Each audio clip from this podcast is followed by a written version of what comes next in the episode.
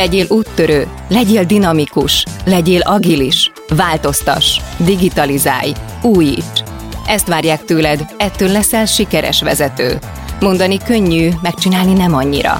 Az Epic Stories podcastben olyan üzleti történeteket mesélünk el, amikből tanulhatsz, amik inspirálnak vagy egyszerűen csak szórakoztatóak. A műsort a Siva Force a vállalati digitális transformációval foglalkozó cég indította, ami a legnagyobb banki és telekommunikációs szereplők üzleti kihívásain edződött. Itt pedig a magas szintű szakmai tartalomról gondoskodik.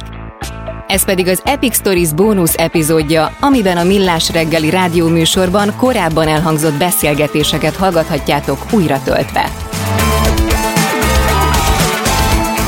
2021-ben a Spotify bejelentette, hogy a jövőben munkatársaik a világ bármely pontjáról dolgozhatnak. Ha nem akarnak, soha többé nem kell bemenniük az irodába. Jön az érintkezésmentes új céges kultúra korszaka? Ebben a részben Kántor Endre műsorvezető Dojcsák Dániellel, a Siva kommunikációs igazgatójával beszélgetett.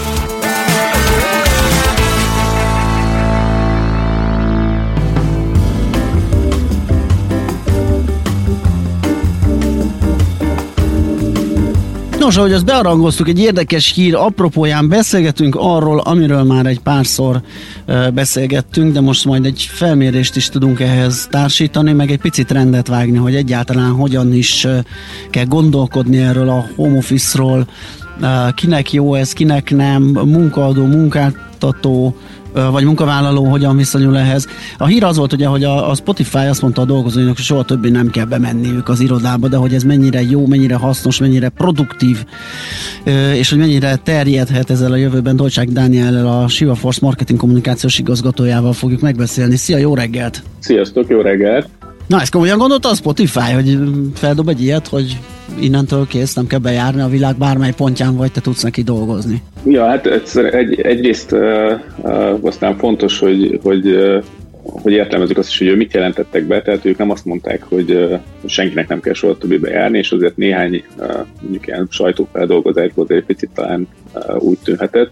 de, de hogy amit említettél is, mi, mi azért szeretjük ugye a döntéseinket úgy, úgy meghozni, hogy, hogy alaposan utána járunk, úgyhogy szépen így feltúrtuk meg a hazai gyakorlatokat is. Így a két hullám között azért volt egy rövid időszak, amikor, amikor az emberek vagy a cégek már gondolkoztak azon, hogy mit csinálnak, és így azt láttuk, hogy, hogy a teljes irodai jelenlét tiltásától a kötelező irodai munkáig vegyesen minden szerepelt, sőt, én iparágon belülről, a, nekem a kedvenc példám az az volt, hogy két hasonló profilú cégnek a, a vezetői között egyik az úgy nyilatkozott, hogy amikor már lejárnak ezek a korlátozások, az ügyfélszolgálat lesz az első, akit, akit visszahoznak,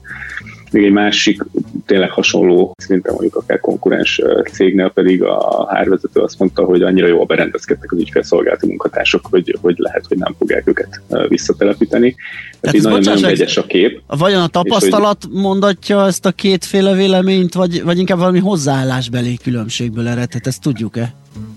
Az, azt gondolom, hogy, hogy ez tapasztalat, és talán ez, a, ez, ez szerintem ennek a beszélgetésnek a lényege, hogy ugye minden cégnek egy kicsit más, más a tapasztalata, és a, a, azért, tehát hogy a, nem a trendszerűséget azt hajlamosak vagyunk megítélni abból a, a, ugye a szubjektív percepcióból, hogy a híresebb és a népszerűbb cégeknek a döntéseit az hajlamosabbak vagyunk tipikusabbnak venni, de, de hogyha megnézzük, akkor Spotify azért egy, egy olyan globális vállalat, ami ugye a tech uh, tényleg egy csúcsragadozó, egyetlen egy terméke van, egy óriási kockázatető két től támogatott erőforrás bőségben dolgozik, és hogy eddig is globális volt, eddig is digitálisan működtek, illetve ami, ami talán fontos, hogy a saját vallásuk szerint ők egy kontrollált káosz mentén működnek, tehát ez a, ez a megszokott dolog. Tehát, hogy, hogy gyakorlatilag a mostani időszak a számukra azért még nem biztos, hogy, hogy egy, egy extra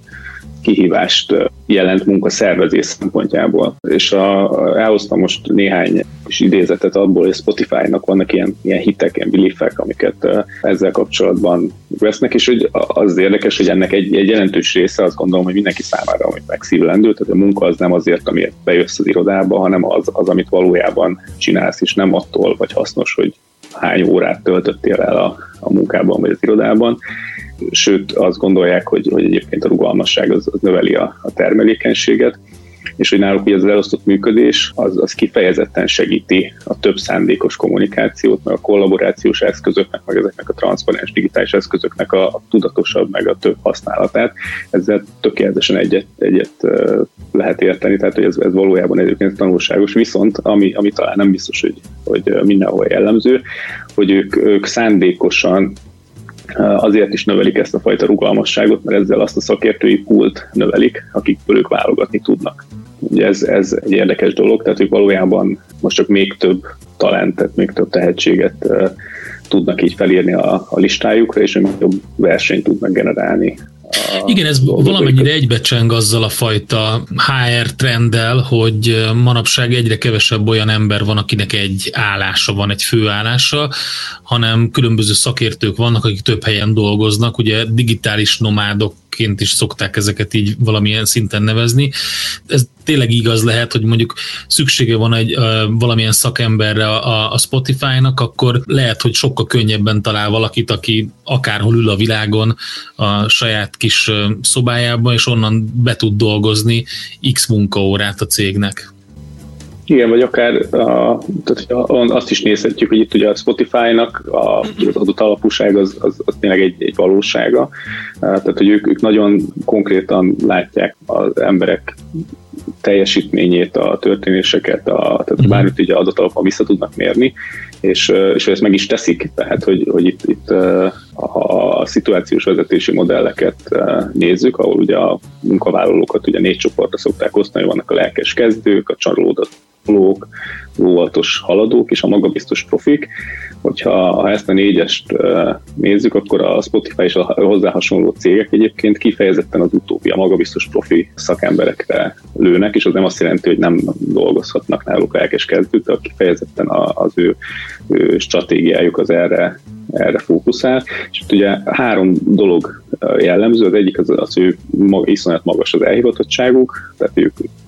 önmaguktól is dolgozni akarnak, nagyon magas a kompetenciájuk, kompetencia szintjük, tehát hogy ők nem igényelnek kifejezetten mondjuk belülről mondjuk itt tanítás vagy fejlesztést, illetve te, de cserébe az autonóm igényük az, az maximális, tehát hogy azt már nem nagyon szeretik, hogyha megmondják nekik, hogy, hogy éppen mit vagy hogyan csinálnak, vagy a mit tett, azt, azt értelmszerűen a célok mentén azt, azt látják, de,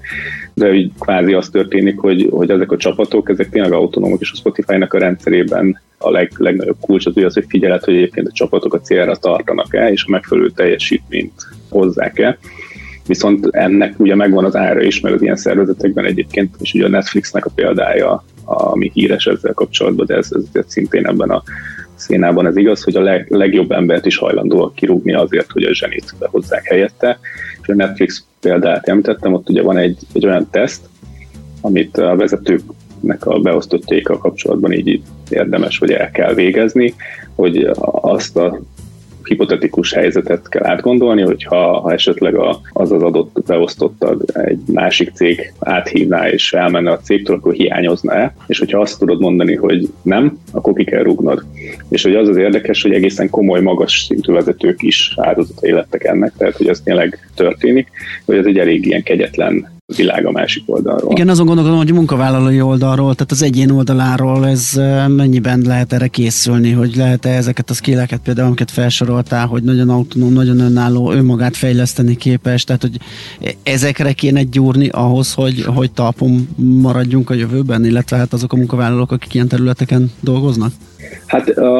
hogyha egy másik oldalról nézzük, akkor ugye ezek életutak. Tehát, hogy, hogy senki nem magabiztos profinak születik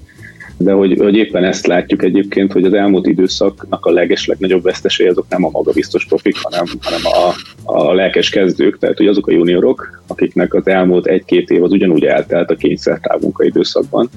és ezt a saját környezetükben is tapasztaljuk, hogy, hogy, hogy van egy, egy olyan kritika, hogy kevesebbet tudtak tanulni a szenioroktól, hiszen egyébként nem, nem találkoztak, és hogy, hogy itt jön be ugye az a, az a tényező, hogy az emberek egyébként beszélgetnek egymással, akár irodai környezetben, és, és hogy nem, tehát vannak, vannak olyan, olyan munkakörök, amiben valószínűleg ez a remote történet ez, ez nagyon beválik, és hogy, hogy egy adott cégnél egyébként az éppen működik, az, az egy tök jó. és már le van fedezve mondjuk digitális eszközökkel, meg egyéb mondjuk találkozókkal, akkor működhet, de hogy, hogy egyébként a nem célzott kommunikáció, közös élmények, meg tudáskultúra átadás az, az egy elég kritikus, kritikus dolog.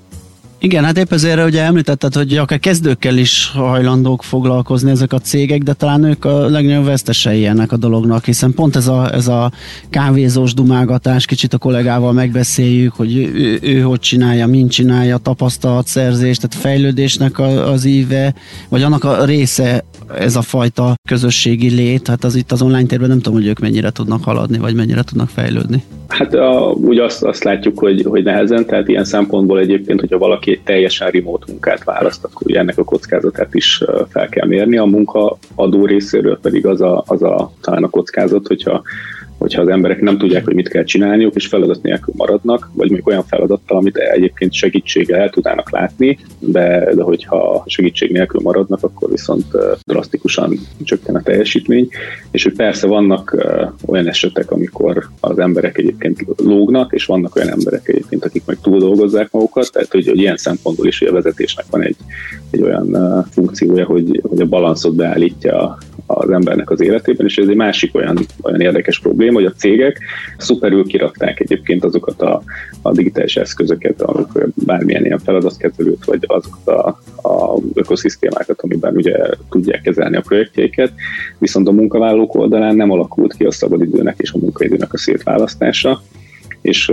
és nincs meg a dolgozó oldalán ez a, ez a kultúra, ez is egy ilyen nagyon, nagyon furcsa dolog, tehát hogy nem biztos, hogy mindenki eljutott önmaga oda, hogy, hogy, hogy könnyedén tudja azt mondani, hogy most dolgozok egy órát, utána elmegyek, megsétáltatom a kutyát, és utána dolgozok még egy órát. Ugye ennek, ennek is azért vannak veszélyei mind a két oldalról, tehát a munkavállaló oldaláról is. Hát akkor ennek csak, csak az a, a végkövetkeztetés, hogy, hogy akkor ilyen ökölszabályszerűen nem tudjuk ezt ráhúzni, hogy most a hibrid megoldása csak home office a megfelelő az adott cégnél, hanem egy nagyon komoly saját vizsgálat kell. Mind a cég saját felépítését, működését tekintve, mind a benne dolgozó egyéneket megvizsgálva. Tehát ez egy, ez egy komoly felmérés eredménye lehet eldönteni, hogy a jövőben hogyan nézzen ki a munkahely. Ugye mi is próbáltunk itt találgatni, meg, meg azon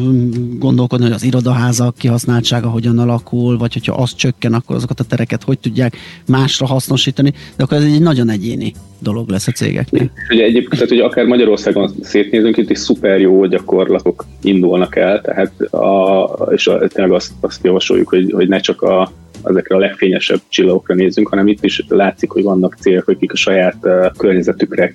szépen kitaláltak egy, egy tök jó módszert, és, és hogy mondjuk a Spotify-nál is az a, szokták mondani, ez a shit in, shit out dolog, ez, ez igaz, tehát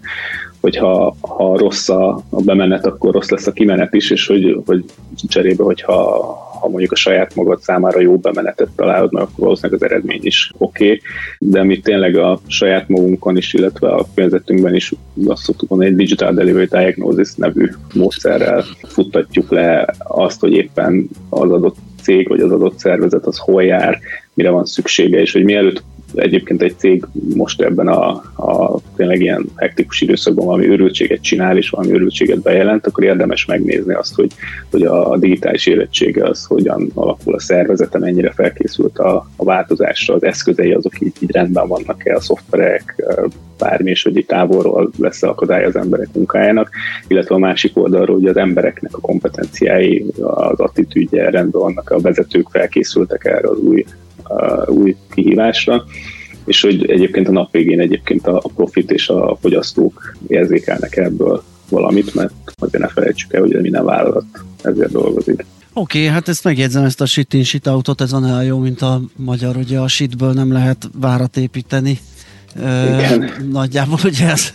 ugyanaz a jelentése. Úgyhogy hát köszönjük szépen, nagyon, nagyon érdekes, ez sokat foglalkozunk, gondolkodunk ezekről a problémákról, úgyhogy ez, ez megint egy új, új kontextusba helyeztük ezt, és új, új információkat tudtunk itt felhozni. Úgyhogy nagyon szépen köszönjük neked, Dani, és jó munkát, szép napot kívánunk neked. Nektek is vigyázzatok magatok, ciao. Szia! Dolcsák Dániellel, a Siva Force marketing kommunikációs igazgatójával beszélgettünk. Az Epic Stories Podcast bónusz részét hallottátok, amiben a Millás reggeli rádió műsorban korábban elhangzott interjúkat dolgozzuk fel. Ha tetszett az Epic Stories, kövess minket a kedvenc podcast lejátszódban, és iratkozz fel az epicstories.hu oldalon, hogy ne maradj le az újabb epizódokról és a további inspiráló történetekről. Ha van egy tanulságos üzleti történeted, amit megosztanál velünk, küld el az epickukat.sivaforce.com címre.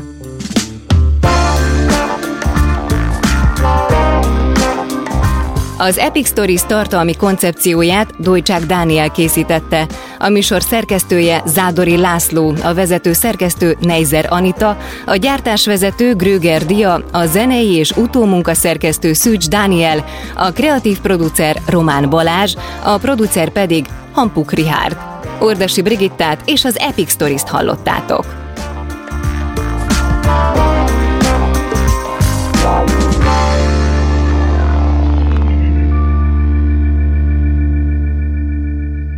Beaton Studio